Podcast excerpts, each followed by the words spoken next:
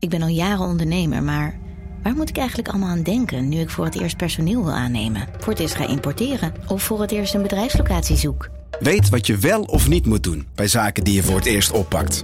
Check kvk.nl voor praktische stappenplannen. KVK, hou vast voor ondernemers. Hey podcastluisteraar. Ook op zoek naar een relevante invulling van je schaarse luisteruren?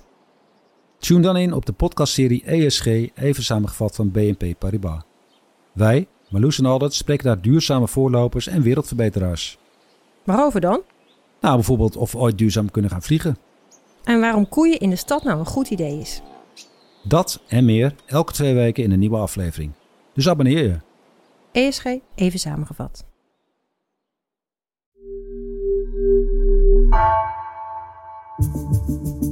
Vanaf de redactie van NRC het verhaal van vandaag. Mijn naam is Egbert Kalsen.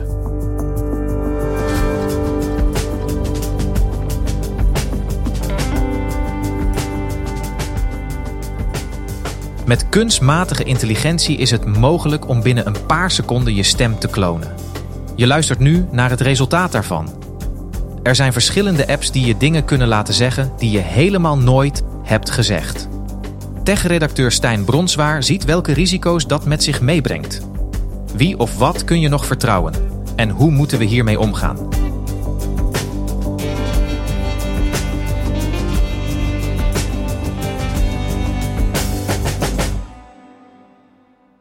Stijn, wij, uh, wij zitten hier nu tegenover elkaar in de studio. Ik zie jou, uh, we kunnen met elkaar praten. Maar wat we net hoorden, het intro van deze aflevering, dat was wel mijn stem. Alleen ik heb dat nog nooit uitgesproken. Nee, het was AI, Egbert, dat was jij niet. Het is met uh, Eleven Labs gemaakt, een nieuw audioprogramma. Dat sinds een week ook in het Nederlands beschikbaar is. Waarmee ik eigenlijk jou alles kan laten zeggen in 28 verschillende talen. Ik kan je Chinees laten spreken, ik kan je Frans laten spreken, ik kan je van alles laten doen. En dit was eigenlijk een voorbeeld wat je net hoorde in uh, ja, hoe, hoe, goed het eigenlijk klinkt. Ja, want ik herken wel echt dat. ik bedoel, ik herken mijn stem. Ik hoor dat ik het ben, laat ik het zo zeggen. Ja, en je, en je hoort ook wel, uh, dat zal de oplettende luisteraar vast ook wel horen, dat het net toch iets anders klinkt dan jij. Maar het, ja, het is pas het begin. Het bestaat pas net en je, het is al zo goed. Ja. En met één minuut van iemands stem, dus van jouw stem in dit geval, uh, is eigenlijk al genoeg om een kloon te maken, een ja. stemkloon. Jij zit hier met een laptop voor je neus. Uh, je hebt het programma ook uh, geïnstalleerd op die laptop. Kan jij eens laten, laten horen en uitleggen hoe het werkt en wat je dan doet? Het is eigenlijk heel simpel. Je maakt een account aan. Je sluit een abonnement af, 5 uh, dollar per maand. En dan zit je erin. één minuut van jouw stem. Nou goed, jouw stem is alom beschikbaar natuurlijk door deze podcast. Je stem is overal. Dus ik heb jouw minuutje erin gegooid. Wat het die software dan doet, het maakt heel snel een analyse van je ademhaling, van je accent, van de tempo, van uh, je, de kleur van je stem. En dan kan ik jou, uh, ja, ik heb het hier voor me op, op, mijn scherm, ik kan jou van alles laten zeggen. Hier, ik, ik zal je eens eventjes uh, even in het Chinees wat tegen de luisteraars laten zeggen. 欢迎亲爱的 NRC 晚大听众，你好吗？艾格伯特认为他会说中文，但这令人失望。 Ja. Om maar eens wat, uh, wat te noemen. En wat heb ik nu gezegd, weet je dat? Ja, je hebt, uh, je hebt uh, de luisteraars welkom geheten en aangegeven dat jouw Chinees niet al te best is. En, en dit programma doet dat dus op basis van één minuut audio van mij. Je hebt het maar één minuut audio gevoed. Ja. Verrassend en best wel pijnlijk ook. jij zei al, mijn stem is vaak in de podcast te horen. Maar ik ben ook een van de twee stemmen die op de site van NRC alle artikelen automatisch kan laten voorlezen. Daar heb ik uren voor in de studio gezeten om zeg maar een digitale versie van mijn, van mijn stem eruit te halen. Misschien kunnen we dat ook even horen hoe dat klinkt. Luister naar het artikel. Fossiele subsidies blijken opnieuw flink omvangrijker dan gedacht. Niet 30, maar 37,5 miljard euro. Ja, dat is dus mijn uh, met heel veel pijn en moeite samengestelde robotstem. Hoe lang was dat geleden dat je die opnames Dit was eind vorig jaar. Dus ik heb in december, januari hebben we deze opnames gedaan. En daar is dan vervolgens door een bureau uh, ja, een synthetische versie van mijn stem voor gemaakt. Klinkt ook heel erg zoals ik zelf klink, vind ik. Uh, ja. wel, wel wat robotachtig, maar dat was dus uren werk. Dat kostte duizenden euro's. En jij doet het gewoon in een minuutje achter je laptop. Ja, het, het zegt wel heel veel over hoe, hoe snel het gaat met deze technologie dat is AI in het algemeen. Is, daar gaat nu zo ontzettend veel geld heen. Daar gaat zoveel innovatiekracht naartoe. Heel veel computerkracht gaat er ook heen. En je ziet, uh, ja, een paar maanden geleden kost het je honderden uren of tientallen uren. En uh, een paar maanden later is het in één minuut. Ja. En het zal alleen nog maar beter worden. Dus je hoort nu nog wel dat het een andere stem is. Dat het net anders klinkt. Maar um, dat gaat niet heel lang meer duren tot je dat onderscheid echt niet meer hoort. Nee. Hey, en dat Eleven Labs waar jij dit mee hebt gedaan, wat is dat voor bedrijf?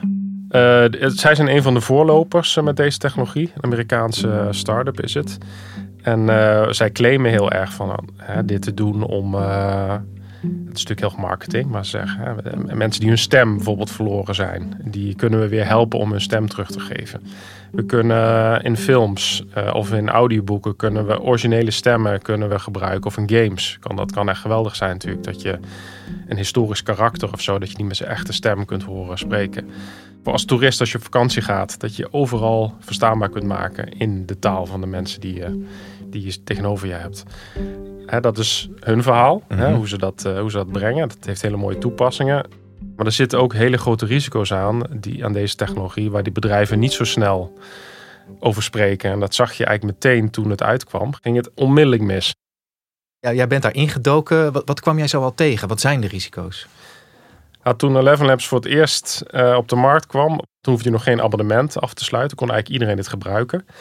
En toen uh, echt dezelfde echt na een uur of zo, werd er filmpjes geüpload van Emma Watson, die actrice die, uh, die Mein Kampf begon voor te lezen. Dat was in het Duits nagemaakt.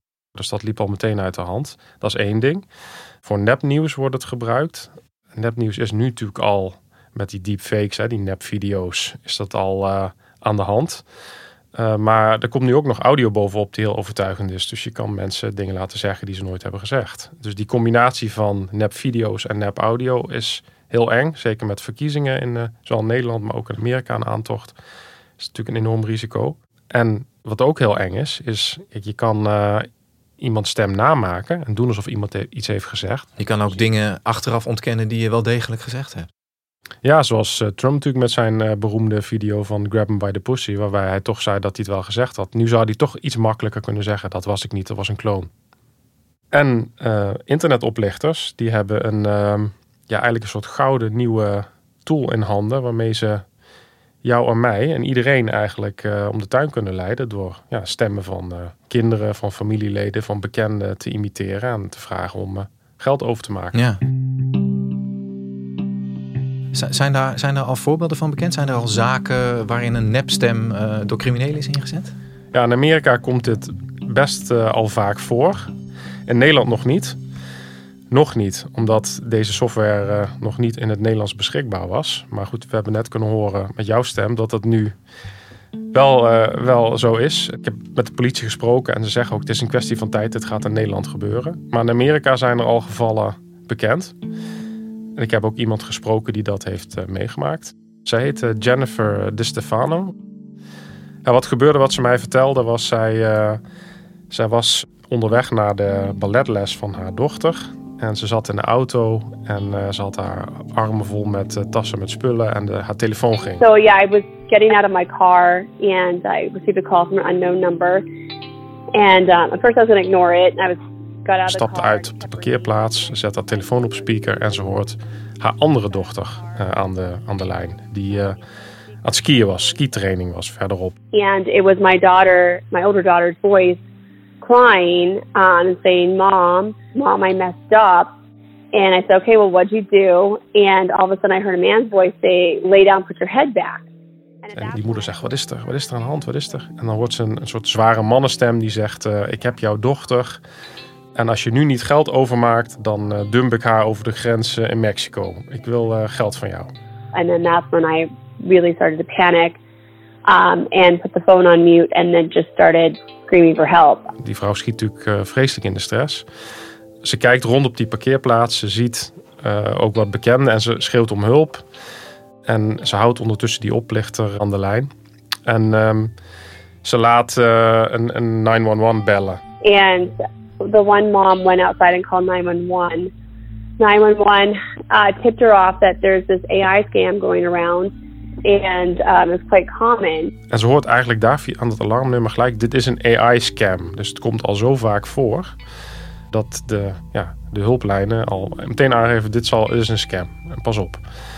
Nou, vervolgens krijgt ze Via via haar dochter, echte dochter aan de lijn, eh, die bij haar eh, man is. En eh, ze maakt het geld gelukkig nooit over. Maar goed, ze is wel helemaal, eh ze was er helemaal van in de war. Ja, en het klonk dus echt als haar dochter. Ja, ze zei ook tegen mij, zei van ja, het is, eh, ze huilde zoals mijn dochter zou huilen, zei ze. Het, het was zo echt, het, het, het was, het was haar echt. Eh, zo voelde het in ieder geval voor haar op dat moment. Kijk, we zijn natuurlijk die appjes gewend, hè? die WhatsApp-fraude van... hé hey mam, ik heb een nieuw nummer en kan je eventjes geld storten? Ik heb een nieuwe telefoon nodig. Iedereen heeft er vast wel eens van gehoord. Maar ja, dit is de nieuwe WhatsApp-fraude, zou je kunnen zeggen. Ja. Het is En, en het komt gaan. nog dichterbij. Ik bedoel, een onbekend nummer wat om geld vraagt, daar kan je dan nog met enige redelijkheid van denken. Nou, laten we dat maar even niet doen. Eerst even bellen of het wel eh, het nieuwe nummer van mijn kind is. Ja. Maar als je haar, stem hoort, of van je, van je zoon of whatever, ja, dat komt zo dichtbij. Ja, ja en dat zijn we ook nog niet gewend, denk ik, om eh, dan is dat er een soort reflex in ons, eh, in ons gaat van, oh, dit, dit zal eh, mijn kind wel niet zijn. Het, hoe persoonlijker kan het zijn dan je eigen kind? Ja. Eh, of, je, ja, of, ja, of je moeder of je vader. Of, En is die vrouw in Amerika, die Jennifer, er nou achter gekomen hoe die criminelen, die oplichters, die stem van die dochter hebben weten te vinden? Want jij zei al, politici en acteurs en, en ook mijn stem, ja, die zijn gewoon beschikbaar op internet. Maar een kind, dat is best ingewikkeld, lijkt me. Nee, dat, dat weet ze niet. Maar eh, bijna iedereen staat wel op, heeft, zijn, heeft zijn stem wel op internet staan. Of het nou op social media is. Filmpjes op Instagram of TikTok. Of, eh, of eh, mensen zoals wij die eh, hier zitten te praten. Of op YouTube een filmpje hebben achtergelaten. Of eh, tieners die, eh, die allemaal op TikTok zitten. Ja, het is, eh, je moet van ver huis komen. Wil je niet iets een keer van audio ergens heb- hebben achtergelaten. Ja. Dus dat is moeilijk te voorkomen. Hoe, moeten we ons hier tegen wapenen? Hoe zorg je ervoor dat je, dat je niet in, in dit soort scams trapt? Ja, ik heb daarover gesproken met Madon den Dunne. Zij is eh, strategisch specialist digitaal bij de politie. Ik heb haar ontmoet eh, in de kantine van het eh, Amsterdamse hoofdkantoor van de politie. Er zijn een aantal rode vlaggen. Paniek, eh, tijdsdruk. Er wordt gevraagd om iets eh, te doen, te delen. Dat kan zijn persoonlijke informatie, maar dat kan ook zijn het overmaken van geld. Er zijn eigenlijk twee dingen die je kan doen. Eerste is bedrijven, want dit speelt ook heel erg bij bedrijven. Ehm, die worden benaderd, de stem van de baas wordt nagemaakt. En vervolgens worden medewerkers gebeld. Een bank in eh, de Verenigde Arabische Emiraten is 35 miljoen kwijtgeraakt met deze truc. Door een bankier op te bellen en eh, die heeft eh, miljoenen gestort op, op alle rekeningen. Omdat hij dacht dat hij door zijn baas daar de opdracht van kreeg. Dus bedrijven moeten met elkaar in gesprek gaan hè, in de boardroom met van oké, als de CEO rond gaat bellen en zegt er moet geld overgemaakt worden, dit is de procedure. Er zijn al bedrijven die dit doen, die een soort afspraak hebben. Als het meer dan 100 euro is, dan ehm, heb je een codewoord of je, nou, je spreekt iets af waardoor je dit voorkomt. Een extra check, zeg maar. Dat je niet alleen maar de stem van de baas volgt. Ja, Ja. ja. natuurlijk phishing. Het inbreken en e-mails, dat gebeurt. Maar als je dat combineert met stem, dat gebeurde dus daar. Dat, dat zo'n eh, CEO, ik heb je net ook een mailtje gestuurd. En dan denkt zo iemand aan de andere kant van de lijn, oh, het zal wel goed zijn. Dus die bedrijven moeten met elkaar in gesprek, zegt de politie. En ook ja, wij eh, als eh, burgers. Als ik ooit jou bel en ik zeg, wil je geld storten? Doe een soort checkvraag. En dan zeggen ze vooral niet een codewoord. Dus niet hoe heet onze eerste hond of zo, want dat is heel makkelijk te kraken. Maar stel wat informele vragen over wat hebben we gisteren bijvoorbeeld gegeten. Of weet je nog dat, wel, dat je laatst op bezoek was? Waar hebben we toen over gehad? Dat, zijn, dat is heel moeilijk te kraken, maar juist zo'n codewoord is juist wat makkelijk te kraken. Je kan je eigenlijk niet voorstellen als je wordt gebeld door, eh, door je kind dat je dan een soort wantrouwende stand moet staan. Maar de politie eh, hoopt toch dat we een soort gezond wantrouwen gaan hebben. Omdat het de mensen nou eenmaal geneigd zijn om wat je zelf ziet en hoort de hoogste waarde te geven. Dus het is heel lastig te snappen dat tegenwoordig eigenlijk nagenoeg overal een digitaal filter tussen zit. Die bepaalt wat jij ziet en hoort. Eh, dus ook al word je gebeld, eh, je hebt niet direct contact met iemand. Je staat niet tegenover hem. Eh, dus het kan gemanipuleerd zijn. Wat betekent dat dan voor de manier waarop, waarop je zeg maar, met elkaar omgaat? Hè? Digitaal communiceren, gewoon communiceren. Moet alles dan eh, gewantrouwd worden? Alles waar een eh, digitaal filter tussen zit, zegt de politie, moet je wantrouwen. Dus kijk, wij zitten hier nu naast elkaar en we kijken elkaar in de ogen. En dit kan niet gemanipuleerd zijn, dit gesprek met jou. Maar zodra er een telefoon tussen zit, of er zit een, eh, laptopscherm uh, via Teams of zo tussen. Of er zit een WhatsApp tussen. Of er zit een soort digitale tussenpersoon tussen. Dan kan het gemanipuleerd zijn op wat voor manier dan ook. En dat zijn we bij audio eigenlijk niet gewend. Vroeger liep je gewoon je huis uit en ging je je dingen doen. En nu hebben we ingebouwd dat we een extra stapje hebben. Waarbij we uh, even omkeren, de deur op slot doen of even goed dicht trekken. We controleren of de deur op slot is voordat we weggaan. Ja. En dat vinden we nu heel normaal. Dus in het begin vonden we dat heel erg, dat het nodig was. Uh, maar de, de wereld verandert, de samenleving verandert. En dat is natuurlijk, ja, ik maak me er zelf ook wel echt zorgen over wat voor samenleving je tegemoet gaat. En dat je, we, moeten al zo, we zijn al zoveel aan het wantrouwen. We geloven al zo weinig. En die moeten ook wantrouwend zijn naar onze geliefden om ons heen. En dat, uh, dat is natuurlijk wel heel verdrietig. Ja, want je zou ook kunnen denken, hè, je kan zeg maar de verantwoordelijkheid voor dit soort oplichtingskwesties bij de burger leggen. Die moet maar beter opletten. Maar moet je niet aan de bovenkant in regelgeving of in controle van dit soort bedrijven dingen gaan regelen? Wordt daar al over nagedacht? Daar wordt zeker over nagedacht. Zeker uh, binnen de EU zijn ze op dit moment heel druk bezig met de AI Act, zoals dat heet. Dat is een grote Europese wet over hoe AI, wat natuurlijk op dit moment heel erg in ontwikkeling is. Dit voice cloning, die stemklonen, dat is een van de meest acute gevaren. Uh, maar er zijn nog veel meer uh, gevaren van AI. En de, ja, de EU is bezig om een soort wet, pakket aan wetten te ontwikkelen, waardoor dit soort bedrijven bijvoorbeeld aan banden worden gelegd. Hè, dat je dit soort technologie niet mag uitbrengen tot het helemaal veilig is. Of uh, nou, ja, dat je moet horen aan, als het wordt gebruikt dat er een soort watermerk in komt, zodat je gelijk hoort van oh, dit is een nagemaakte stem. Maar het is nog heel ver weg, want het gaat zo snel dat het uh, moeilijk bij te houden is voor de politici om dit in goede banen te leiden. Dus tot die tijd moeten we toch zelf aan de slag. Ja.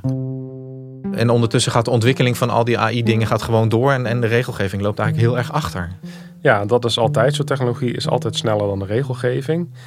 Alleen, ik wil daar wel bij opmerken, wat nu, wat ik, waar ik nu heel positief over ben, is dat het uh, nog, nog niet te laat is. Weet je, dus AI is heel erg aan een opmars bezig. Dit is nog, staat nog heel erg aan het begin.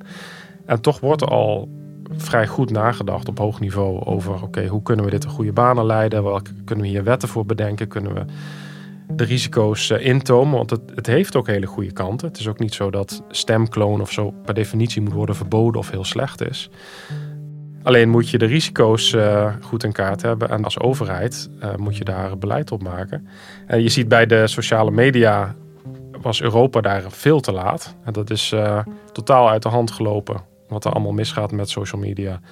En daar wordt nu eigenlijk vooral met boetes... worden die bedrijven geprobeerd een beetje in te tomen. Maar het is eigenlijk al te laat. En je ziet, Europa heeft daar heel erg van geleerd. En gedacht, dat gaat ons niet nog een keer overkomen. Met AI gaan we er bovenop zitten. En het is nog niet te laat om dit... Uh, niet uit de hand te laten lopen, nee. zou ik willen zeggen. En tot die tijd moeten we gewoon allemaal heel goed opletten en uh, in codetaal met elkaar gaan spreken, zo ongeveer. Goed opletten, nooit gewoon blind geld overmaken, ook al is het je kind of je oma aan de lijn. Blijf, uh, blijf nadenken. Dankjewel, Stijn. Alsjeblieft.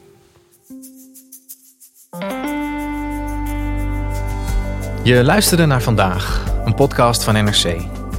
Eén verhaal, elke dag. Deze aflevering werd gemaakt door Anna Korterink en Jeppe van Kesteren. Coördinatie Nina van Hattem. Dit was vandaag. Morgen weer.